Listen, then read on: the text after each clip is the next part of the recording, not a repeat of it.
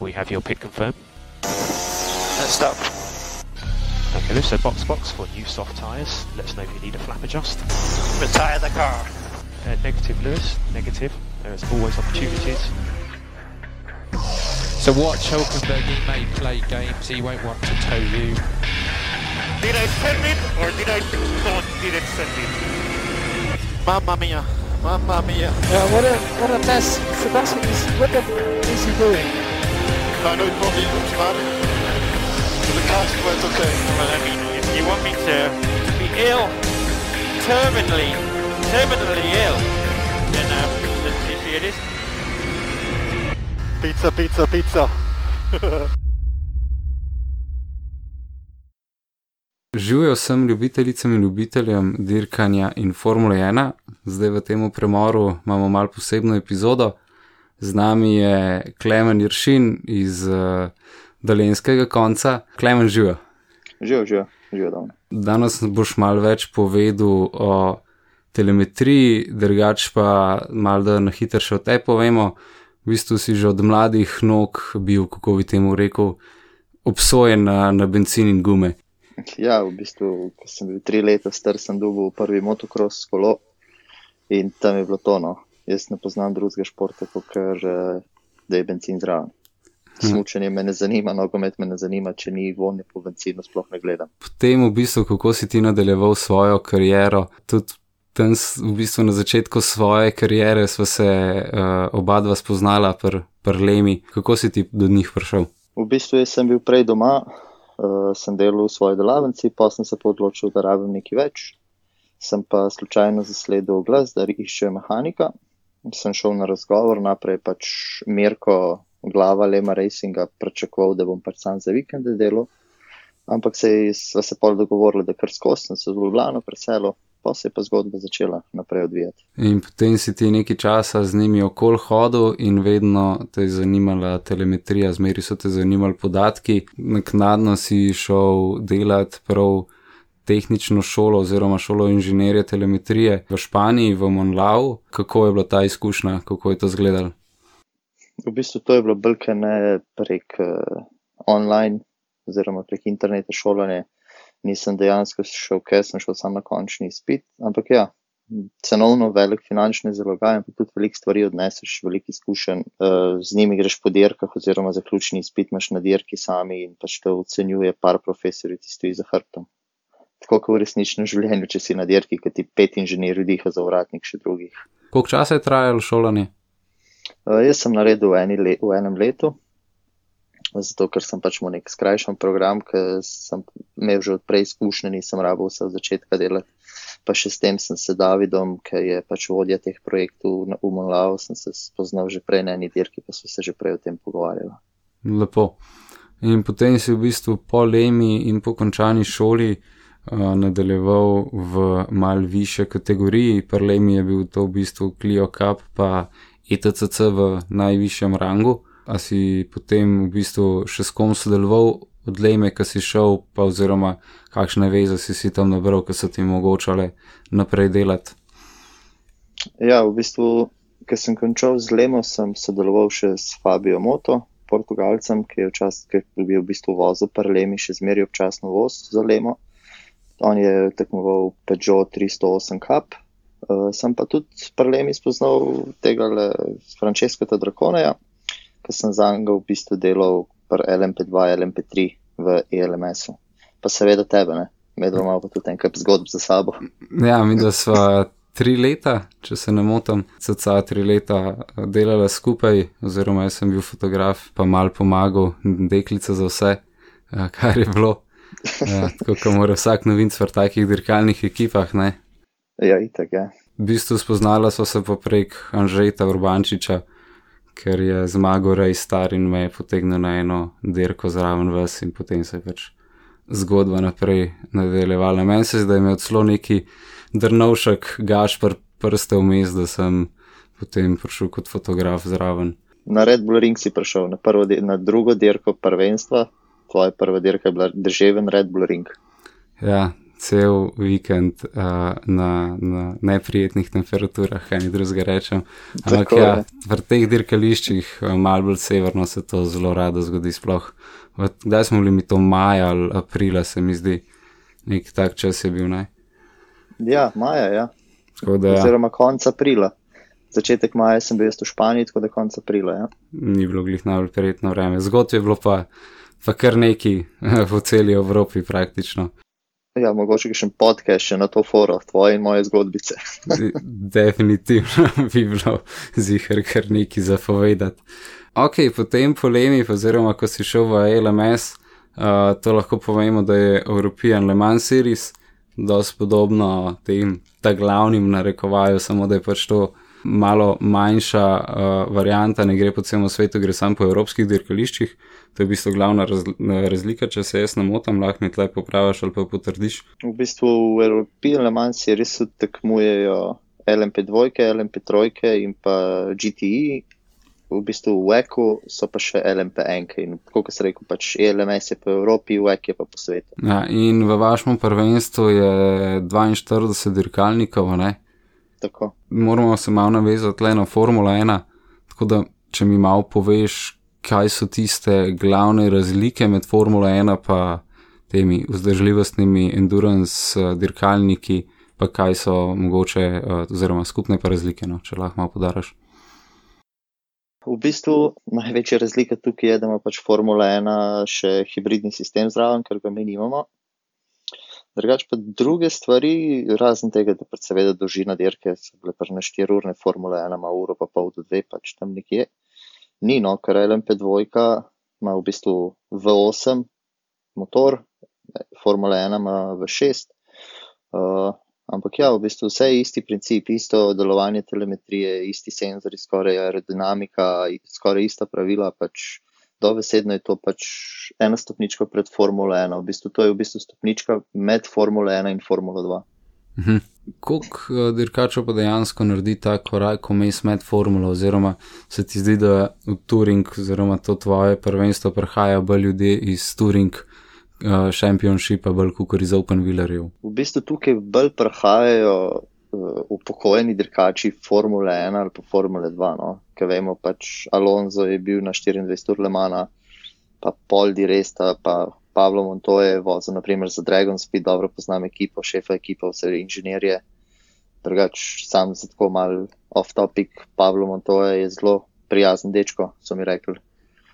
Uh, drugač pa ja, zelo mal iz Turing vozil pride, zato ker LMP2 v bistvu je tok specifičen avto, da primeren 10x10 košče karbona odleti z avta in je cela aer aerodinamika porušena. Je potem že praktično na nivoju Formule 1. Tako. Ok, pa če se v bistvu kar uh, damo v vlogo telemetrista, ki pride na, na dirkaški vikend, ali ne bo to Formula 1 ali pa LMP2, razlika je verjetno sam v števili, številu osebja, ki ga imaš za sabo. Kako zgleda, ti prideš tu se pravi verjetno že v četrtek ali pa še prej na dirkališče in kako, kako se začne tvoj vikend pred, pred prvim kvalifikacijskim krogom?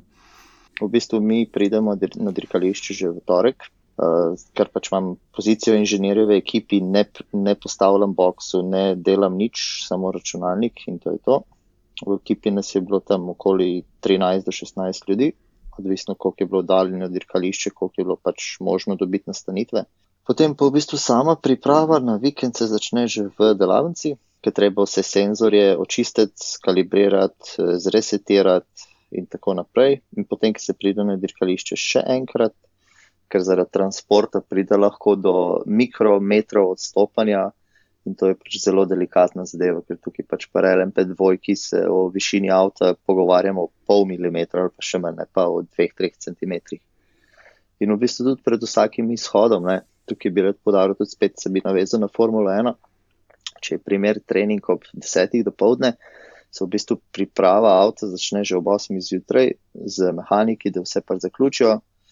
In ker so to v teh Formuli 1 in v LMP2 low clearance engine, kar pomeni pač motor z nizko toleranco, treba motor prej segreti, se preklop tako napravo gor in potem se pa začne priprava. Spremljanje senzorjev, če vsi delajo, če so pritiski v redu v vodi. Pa gre mehanik v avto, uh, naredi naprej ček, ček celotnega sistema, jaz ga spremljam z računalnikom in pač v bistvu užik avta ne poteka brez računalnika. Zmeraj moraš biti priklopljen gor, imaš odprtih 30 različnih kanalov za vsak senzor in mehanik gleda tebe, kaj avto užge, ne pač naštevc. Ker če ti rečeš ugasen, je konec, je nekaj narobe. Potem gre dirkač ven, dela kroge in pride nazaj, potem se začne analiza teh podatkov. Kako, na kakšen način ti največ povlečeš ven iz avta, pa dirkača? Ja, zdaj vsak pač igramo v te pač simulacije dirk, naprimer Aseto Corsa, ve, da je tudi tudi tam telemetrija vidna, ampak to, kar se vidi v teh simulacijah, je nula. Vsak lajk zna prebrati, kdaj se kasneje bremza in kdaj prej. Ampak tukaj govorimo pri tako visokem nivoju tekmovanja o stopinjah kota zasuka volana, o zaviranju, o metru zaviranja kasneje, to, to besedno gremo v milisekunde. In te podatki so že v živi telemetriji vidno čez celoten session, ampak pol, ki pač avto pride nazaj, se to prenese na računalnik, izlušč podatke, eh, izlušč najhitrejše kroge, najhitrejše sektorje in tukaj pač ni, da sam ti primerjaš, ok, najhitrejši krok je bil tretji krok, primerjamo z sotekmovalcem, ki je naredil malo hitrejšega. Ne, tukaj pač je v enem krogu približno 15 mini sektorji. Ti pač vsak sektor posebej moraš zamenjati, da to teko primerjati z drugim, kaj je bilo bolj, kaj je bilo slabše. In tukaj v bistvu, da pač izpilaš dirkača, da mu poveš, kje je bil, kje je naredil napako, je to traje približno 2 do 3 ure za en krok. Tem je v bistvu kar, kar velik dela za analizo podatkov. Ja, večinoma se pravi, skozi na računalniku, zjutraj ob 8 se računalnik odpre, oziroma laptop se odpre, in zvečer ob 10 se ugasnejo. In potem neki pojest, spati in java na novo naslednji dan. Ponavadi je bilo tako, da neki pojest s hotelsko sobo, odpreti računalnik, pa spremenjati nastavitve za naslednji dan. Potem pa pride dirka. Kako izgleda delo telemetrista med dirko, to se pravi, je štart, kaj vse so lahko neugodnosti, slash ugodnosti, ki vplivajo na tvoje odločitve med samo dirko, oziroma na kam moraš biti pozoren že pred dirko, na kaj se gledaš, verjetno so to vreme, predikcije, malo gledaš, kako so ostali dirkači ostale ekipe končale na, na kvalifikacijah, veš, kje boš ti štartu, kakšne so vse taktike, ki jih uporabiš pred dirko oziroma med dirko. V bistvu prvi problem je tukaj pred 4-urno dirko sama priprava dirkalnika. Zato, ker, eh, tako kot sem prej rekel, to so low clearance engine In tukaj pač v bistvu delovna temperatura motor, motorja je 90 stopinj oziroma vode 90 stopinj. In ko ti presežeš 90 stopinj, ki greš na 91 stopinj, ti že pol konja zgubiš. Zdaj pa če vzamemo naprimer za primer Barcelono, ki se je začela ob šestih zvečer, končala pa ob desetih, sem jaz mogel vedeti cel razpon kakšne temperature bodo od 6 do 10 zvečer in prilagoditi temu pač zaprtje hladilnikov. Zdaj, ali sem tvegal, da bom bil bolj počasen na začetku, hitrejši pred koncem ali kontra. Ne, isto je pri zavorah.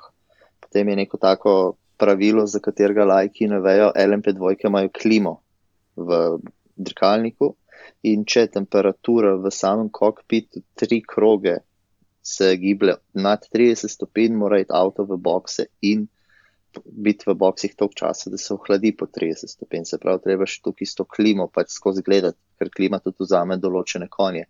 Tako da je konstantno, konstantno, konstantno razmišljanje, kaj narediti, kako da bo najbolj. Ta klima je zaradi varnosti dirkača, sklepam. Tako je, ja ker eh, tukaj govorimo o hitrostih 280-300 km/h in to je res ogromno, ogromno. Če pride do napake, je tudi smrt lahko. Ja. To so res ogromne hitrosti, praktično kot formula. No, ker smo pri formuli, verjetno imajo iste probleme kot ti ob takih prehodnih urah iz popodneva, večera v noč, pri kakšnih nočnih dirkah imajo tudi oni dileme, kako nastaviti avto. Ja, zato ker v bistvu te Formule 1 pelem pe dvojke nimajo ventilatorjev na hladilnikih, se pravi, so, v bistvu so vodno hlajeni motori, ampak so prisilno hlajeni z pomočjo vetra. In ti pač pred hladilnika postaviš take posebne plošče, pač reče se mi uh, radiator blanking, in ti pač to plošče ne moreš v eni sekundi ven, zdaj trabiš pol minute. In to med dirko se ne dela ponavadi. No, enkrat smo mogli to narediti, ker je prišlo do hudega pregretja zaradi prevelike, te prevelike zasičo, zasičenosti radiatorjev, preveč smeti je bilo noter, ampak smo zgubili pet mest. Uf, to se, to se pravi na, na dolgi dirki se še toliko bolj pozna. Ja, to je v bistvu na dolgi dirki, se vsaka, te, vsako napako drago plačeš. Kaj pa potem med samo dirko, to se pravi kot telemetrij spremljaš verjetno ne samo svojega dirkača, ampak še marsikaj drugega. Kako obdeluješ podatke med dirko? V bistvu tukaj bi povedal, da pač telemetristov je več vrst, na vsake dela s podatki je neke vrste telemetrist. Jaz sem bil pa LMP2 kot telemetrist oziroma performance and race engineer. Se pravi, sem skrbel za Vozilo, da pač ni prišlo do česa hudega. E, za strategijo sem tudi nekaj pomagal, race inženirju, mojemu nadrejenemu. In tukaj v bistvu, ki se dirka začne, se usede pred zaslon in se gleda, kaj drugi delajo, kakšne čase imajo, kje so na, na stezi. Moraš svojega dirkača konstantno obveščati, avto za tabo te prehiteva za en krok ali pa avto za tabo dirka stavo za pozicijo, konstantno, konstantni pogovor z nadrejenim race inženirjem oziroma z chief inženirjem, kaj narediti, kako pa kaj, ker na koncu še zmeri on odloča. Uh, kakšno bo vreme, kakšna je temperatura steze, koliko so pritiski v pneumatikih, pač vse, vse, vse, vse. In avto ima približno, v bistvu med samo dirko, jaz sem približno uporabljal 50 senzorjev in vse sem mogel vedeti, kje je, zakaj je graf tam gor, zakaj je tam spodaj potem je v bistvu precej, precej, precej podobno delu v, v Formule 1, kar se tiče telemetrije, ni, ni velike razlike. E, ne, med samo telemetrijo ni velike razlike. Imel sem tudi to čas, da je bil e, chief engineer, bivši race engineer Prahas F1, se pravi pri njihovih začetkih. In v bistvu edina razlika med LMP2 v ELMS in pa F1 je to, da v ELMS se lahko chief engineer naspi, medtem ko v F1 je pa rekel, da je delal 24 ur na dan, dobesedno. Spal je po dve ure. To večje vložki, to večja odgovornost na konc koncev. Ja. Kako vidiš recimo telemetrijo, v kakšno smer se lahko še razvije? Kaj so stvari, ki se bojo v prihodnosti mogoče začele uporabljati ali pa bojo šle ven iz mode. V bistvu telemetrija je že toliko razvita, ker eh, telemetrija, to, kar smo mi uporabljali, dela na principu telefonskega signala. Smo imeli en računalnik v, dirkalniku in smo imeli noter SIM kartico, katera se je povezala z satelitom in poklicala sprejemnik v naši garaži. In to je pač konstantno pokrivanje na vseh stezah. In zato tudi, če bi jaz sedaj tipkal ping številko, bi jaz videl, kje se ta dirkalnik nahaja. Ker sem tudi to leto nekaj od doma pomagal, ker nisem imel osebe dosti na dirkah. Ampak jaz mislim, da telemetrija se ne more več razviti. No. Kar lahko se zgodi, je, da pač bomo inženirji vozili avto iz boksa, naš drugska. to se pravi neka umetna inteligenca in inženirji, ki obdelujejo podatki. Tako, samo še to je možno. Napredka, prostor za napredka ni več. To se pravi, se Hamilton sam še tega boji. Najbrž, ja, zato še ni podpisal pogodbe, po moje. Katera, katera taka izkušnja, kot uh, ni nujno kot telemetrist, lahko samo kot udeležencu nekje v dirkanju se ti je najbolj vtisnila v spomin? No? V bistvu najbolj se mi je vtisnila v spomin uh, štirurna dirka v Silverstonu. Takrat smo tudi prvo točko dobili, smo bili deseti. Uh, drugač pa najbolj, najbolj tako, da bi bilo pač uh, tako, ki se mi je vtisnilo v spomin, je prva dirka Paul Ricard. Ker sem v bistvu jaz, pa glavni mehanik, sva bila v garaži do štirih zjutraj smo šla v hotel, smo se ostala ob šestih in nazaj prišla, da so pač spravila avto nekako v delujoče stanje in šli ven na trening, ki je bil ob enajstih. Predvsej nor tempo. Ja, pa to je bilo dva dni zapored, tako da pa smo zaslužen počitek imeli dva dni, ki smo prišli iz dirkališča domov. Kaj je bila pa recimo tako najbolj naporna dirka kot, kot inženir, ki si jo doživel, da, da res. Uh, Mogoče, da si v narekovajih mal zaplavil, se ti je to kdaj zgodil? V bistvu zgodil se mi je v Monci, uh, sem zaplavil, zato ker uh, je kar naenkrat so vsi senzori izginili iz ekrana, vse posod je bila nula in sem začel pač upiti v slušalke, vstal avto, vstal avto, vstal avto. In pol je še drikač name začel upiti, da kva mi ni jasen, da se je zaletel, da ne more vstaviti, da je avto že ustavljen. Uh, v bistvu tukaj sem spregledal hitrost vozila, pa se nam je pa na dirki zgodilo, da je prišlo do nekega pregrevanja prve leve zavore, ampak v bistvu ni bilo neko hudo pregrevanje, pa smo rekli, da je to to. Ne? In v bistvu smo imeli veliko sreče, ker pač karbonskega diska ni bilo skoraj več. Za primerjavo, karbonski disk je debel 3 cm, uh, potem, ko smo pa dirko končali, je bil ga pa še pol centimetra. Koliko je pa recimo eh, železen oziroma tak navaden disk? Navaden disk, naprimer, pri vozilih, ki imajo zadnji disk, je pol centi. Že iz štarta. Že iz štarta. Kako se pa potem, zdaj moramo malo skrenila iz telemetrije, ampak kako se taka sprememba v debelini občuti na, na pedalki za, za bremzo? Se to sprot popravlja? Ali se spremenja tok med samo dirko, pa to sporoča dirkaču, kje je bremza. V bistvu pedal se sploh ne spremenja sam pedal, ta občutek na pedalu. Dirkači so se pritožvali, da je pač neko v bistvu pedal bolj elastičen, ampak nič drugega. Zato, ker v bistvu pedal ima dva hidravlična cilindra za prve zavore in vsaka čeljust ima šest hidravličnih batkov v zavorah. Tako da v bistvu, če eden zašteka, ne se ne čuti razlike, bi mogli vsaj tri. To se pravi tudi za, za, v bistvu samim, za samimi podatki ni nujno. Da, da vse dobiš, zmeriti mora nek feedback dajati, dajati eh, dirkač pa ni nujno še to, da, da pomaga rešiti težavo med dirko. Ja, doskrat je bilo tudi tako, da je bilo pol na koncu vse v redu, ampak ni bilo, ne. Pri dirkaču v glavu vse v redu. Kokrat misliš, da se to dejansko zgodi pri formuli, pri teh high-end dirkačih, kokrat imajo težavo na rekovajih v glavi? Mm, problem je tukaj spet, uh, kakšen dirkač, kakšnega inženirja ima. Ker v bistvu, če ti daš dirkaču preveč podatkov, je mrzo, da ga zmešaš ne ve, nekje ima glavo, nekako bo gas pritisnil nekje v bremzo. Ti moraš najprej dirkača spoznati, to ga pač moraš imeti ta talent, da ga spoznaš v treh minutah in pol mu pač poveš, dok, veš sam, dokje greš. Ne? Ker, naprimer, jaz, ki sem delal z velik dirkači, dam za pač primer moto, če si njemu začel govoriti o nastavitvah vozila, je bilo konc, je zmrzno. Če si mu pa sam govoril, lej, 5 metrov kasneje bremzi, 10 metrov kasneje bremzi, dobro si, pol je bilo pa vse v redu. Ker tukaj v LMP2, ne, to pa če si mu rekel, da je mal kasneje bremze, je rekel, koliko moram vedeti metrov. Smo povedali, ne vem, 5 metrov, pa je rekel, koliko je to približno sekund. Jaz sem rekel, ne vem, slabo sekundo, ok, bom sekundo kasneje bremzo. Ne. Tukaj smo šli pa že v fajn podrobne detajle in tako telemetrijo je res težko predavati in brati in te zdaj. To se pravi, je delo telemetrista oziroma nekega res inženira tudi mal psihologa. Uh, ja, kar velik psihologa, no, ker pač še zmer ti prevzemaš odgovornost, ne, ti pač tukaj je hierarhija v takih ekipah, ki so na takem nivoju, ne. Pač en tak smešna zgodba, ne, bili smo v Silverstonu, uh, prišlo je kosilo, glavni mehanik je rekel meni, da je pet jaz, ne, ker ti si vzem pred mano za jaz, sem rekel, ne, le, ti si mehanik, ti imaš več dela, jaz samo računalnik gledam v zemlji in mi je rekel, veš kaj, si prvi inženir, ki mi je to rekel, da lahko jem pred njemu, ne.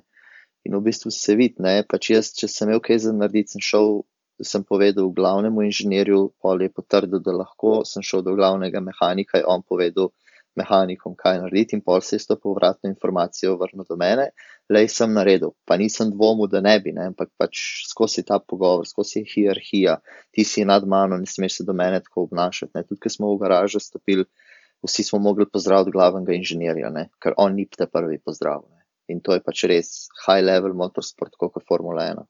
To smo delno izkušali, verjetno takrat, ko smo bili na kakšni ETCC oziroma v TCC dirki, ta prvenstvo ne obstaja več, zdaj preimenovan v VTCR, pa je VTCR, ne? Ali kaj že ETCR? Tako pa VTCR, ja. Ampak ja, tež tam kakšni uh, after party, kakšni povabila na večerje so bile zelo, zelo, zelo lepa. Ja, ja, ja, tukaj pa v bistvu je LMS, pa ne dobiš povabila, dobiš pa listek, da lahko prideš, če boš plačal 50 evrov na uh, udeleženca. Ja, niso posod, uh, kako bi temu rekel, uh, znani kot lema in dobiš džabe vstop praktično kamorkoli. Ne, tukaj je pač problem v LMS-u, ena taka insiderska zgodba. Ne. Uh, Francozi so, ne bom rekel kaj, ne, ker ne vem, če lahko govorim take besede v podkastu. Ampak tehnični pregled vozila, naprimer, nam je meril zadnji difuzor dve minute, šel v mikrometre, francoski ekipi, ki pač organizator je francoski in francoski ekipi, glih to, da je meter gor postavil, pa se pa ti petne. In jaz ne maram francozov, tako da če je kakšen francos tukaj bo to poslušal, se globoko upravičujem, ampak ne morem. Kako bi temu rekel, so kar patrioti, verjetno naredijo dosti za svoje. Ogromno, preveč. In pol je pa še problem, ker ekipa ne zmaga francoska, pol so pa protesti, pa gledanje avtov, pa je pa sploh konc. Škoda. Sej v, v formuli, pa pri italijanih ni dost razlike. Ne? Ja, isto. Pa, pa da vsaka nacija svojega favorita naprej pošila. Ja, itek. Imaš mogoče kakšno tako glede telemetrije, ki je tudi vredno poudariti? Ja, v bistvu telemetrija ni tako, ker pač avto preklopiš navade na tester, ker vse senzore vidiš. Ne? V bistvu tukaj. Jaz imam v, v LMP2, ki je okoli 300 različnih kanalov in vsak kanal mora biti ročno napisan z matematično enačbo. To pomeni primer, da ko avto pride v bokse, ki se ga dvigne, eh, v bistvu mora biti avto ugasnjen. V bistvu cel ta čas lahko voznik drži tipko za užgat dirkalnik, ampak šele, ker se dotaknejo vsi štiri kolesa tla, bo dirkalnik užgal. In to je pač matematična enačba, pač posplošna enačba zdaj je, če je senzor uh, hoda amortizerja v minusu, tipka za zagon ne deluje. Ko senzor doseže vrednost nulo ali plus, zagon motorja deluje. Ne, tako da v bistvu vse senzorje sprogramirati je pač dela za en teden, eh, sama, sam zagon z novim motorjem je pa trajal lani 8 ur, ker treba pač vsemu povedati. Tem si lahko predstavljamo, kako je recimo zakomplicirano por Formule 1, kjer ekipe same razvijajo motorje, imajo neke svoje senzorje, koliko hitro je lahko še napaka, da se kje v programu, kakšna enačba ali pa algoritem ne izide, kot bi ti kot si ti predvidel. Ja, ker v bistvu Formula 1 kot inženir sploh ne prideš, če nisi uh, inženir mehanike, inženir mehatronike, diplomirani inženir, pač doktor, ne vem kaj vse, ker v bistvu tukaj so take načbe, take komplicirane številke, da pač si res ne moramo misliti, no, dokler tega ne okusimo na lastni koži. Zanimivo, res. Za tale, še tole bi mogoče rad razložil ki se reče, da prija ta sistem za dvigati avte, tega v formuli ne, ni, ne. tam formula prepele in je tak voziček, ki ga zahakla in formula dvigne, ker je, ker je lahka. Koliko je teža približno z, z formulo, pa vašimi avti, vaša ekipa? Zdaj LMP2. Mislim, da ima prazna, brez, voz, pra, pač brez goriva, brez voznika, 950 kg LMP2. To se pravi, bi bilo verjetno že skoraj nemogoče, samo z enim dvigalčkom, takim, ki je v formuli dvigant. Um, zato je ta hidravlični sistem noter, ki deluje na, na stisnen zrak. To so kaj cevi po avtu razporejene, ima pa pol štiri bate na vsakem koncu, ki v bistvu avto izstrelijo, ne rekovaj izstrelijo iz tal. Ja, cevi ima po vozilu, po dirkalniku so napeljane, v bistvu LMP2 ima tri cilindre in pač dvignejo vozilo v zrak in tale en cilindr dela na 40 barov. Kul, cool. se mi zdi, da dosti ljudi si tega ne predstavlja, no, saj tako, kot sem jaz kašnemu razlagal, kako je v to v TCR oziroma teh turing car avtih, pa koliko to glasno poči, kad dol vzameš, ne? Ja, to, ja. To je tudi presenetljivo. A tudi v vaših avtih to glasno poče ali to sam pri tem vse, tukaj smo ga imeli prlemi pokal? V bistvu še bolj pod, zato ker mi imamo hiter iztis zraka in v bistvu cilindr se zapre manj kot pol sekunde. In v bistvu nastala je ena fotografija, jaz še je nimam več žal, ker mi je pač prenosni disk umrl. Um, je prav videti, kako cilindrov ni več na tleh pa je avto še zmeraj v zraku. Uh, to je pa, pa predvsem impresivno. A pri tej ceru pa to ni bilo, je pa kaj, v bistvu sama teža avta zaprla. Ja, tako je, ker v bistvu pri tej seriji se ni mudil hitro delati postanka, ne, ker jih v bistvu ni bilo. Ne. Pri eh, endurance pa vsaka sekunda šteje. Ne. Ej, kakšna je pa potem razlika, da opiš postank prvs, pa postank pr Formule 1, s tem, da prve se še kdaj pa kdaj zamenjajo, ne dirkači? Ja, pri eh, v ELMS-u je tako, da pač imaš ti kater- kategorijo, kateri dirkač si. Ali si zlet, ali si srebrn, ali si bronast. V bistvu bronast dirkač sploh ne sme LMP2 voziti, lahko samo LMP3. In tukaj pač glede na to, v kateri kategoriji si, imaš tudi omejen čas vožnje. Mi smo imeli enega srebrnega, enega zlatega in v bistvu zlati dirkač je lahko vozil maksimalno uro 20. Se pravi, srebrn dir- dirkač je mogel v preostank dirke odpeljati 4 urne. In v bistvu ste se samo enkrat zamenjala. Ne. Drugač pa sam postank za menjavo gum, katero delajo trije mehaniki, pa kontroler avta, je trajal 19 sekund. Pri Formuli 1 je to 2 sekunde, zato jih je tam ne vem zakaj 16 zraven, ne, ki jih ne prebil biti, ampak v bistvu se naprej zamenja prelem pri dvojki. Prvi levi, pol prvi, prvi desni, pol prvi levi kolo, zadnji levi pa zadnji desni in potem se avto dol spusti. In tudi vmes se ne sme dolivati goriva, se lahko pač v bistvu se menja samo gume. Med dolivanjem goriva se lahko pač očisti vetrobransko steklo in pa še ena zanimivost. V avtu je vgrajen magneti mareli sistem, katerega nadzorujejo tehnični delegati čez, čez cele dirke, v katerem se vidijo kojni, navor, vse. In pač, če pride do odstopanja, je takojšna izključitev iz dirke. In v avtu je tudi en tak poseben ključek, ki ga pač mora mehanik zamenjati pri vsakem postanku in jaz ga pač pol preklopim na računalnik in pošljem podatke direktora iz kontrol, da pač preverijo, če to vse drži. Ej, kaj ta zga tudi pri Formuli 1? Uh, ne, pri Formuli 1 pa samo pač uh, delegati konstantno gledajo, kaj se dogaja z vozilom. Ne. Zato je bila tudi tista afera s Ferrarijem, ker pač je bilo preveč goriva doziranega v motor, ker so ponarejali podatke na senzorju pretoka goriva. Mm, v bistvu pri Formuli imajo ima res kontrol, konstanten pogled do skoraj kjerih koli senzorjev. Tako, vse pri nas je bilo isto, no, so vse videli, ne, ampak v bistvu ni bilo tako podrobno, ne, zato ker tudi Formula 1 nima omejene kojne, ne, Formula 1 ima lahko 2000 kojnov, ampak jih ne more imeti, zato ker ima omejen pretok goriva v motor. Ne. Ja, mislim, da sva podelala vse, kar uh, se da tako le lajčno, uh, da ne greva preveč v same cifre, uvod v, v delo telemetrista oziroma kaj to sploh zajema. Hvala ti, da, da si vsi vzel čas, da si malo razložil. Hvala za povabilo. Mogoče v prihodnosti narediva res še kakšen podcast samo o prigodah, ki so jih doživela v teh parih letih po dirkališčih. Po moje bi pa trajal kar ene dva dni, da bi se pojedla.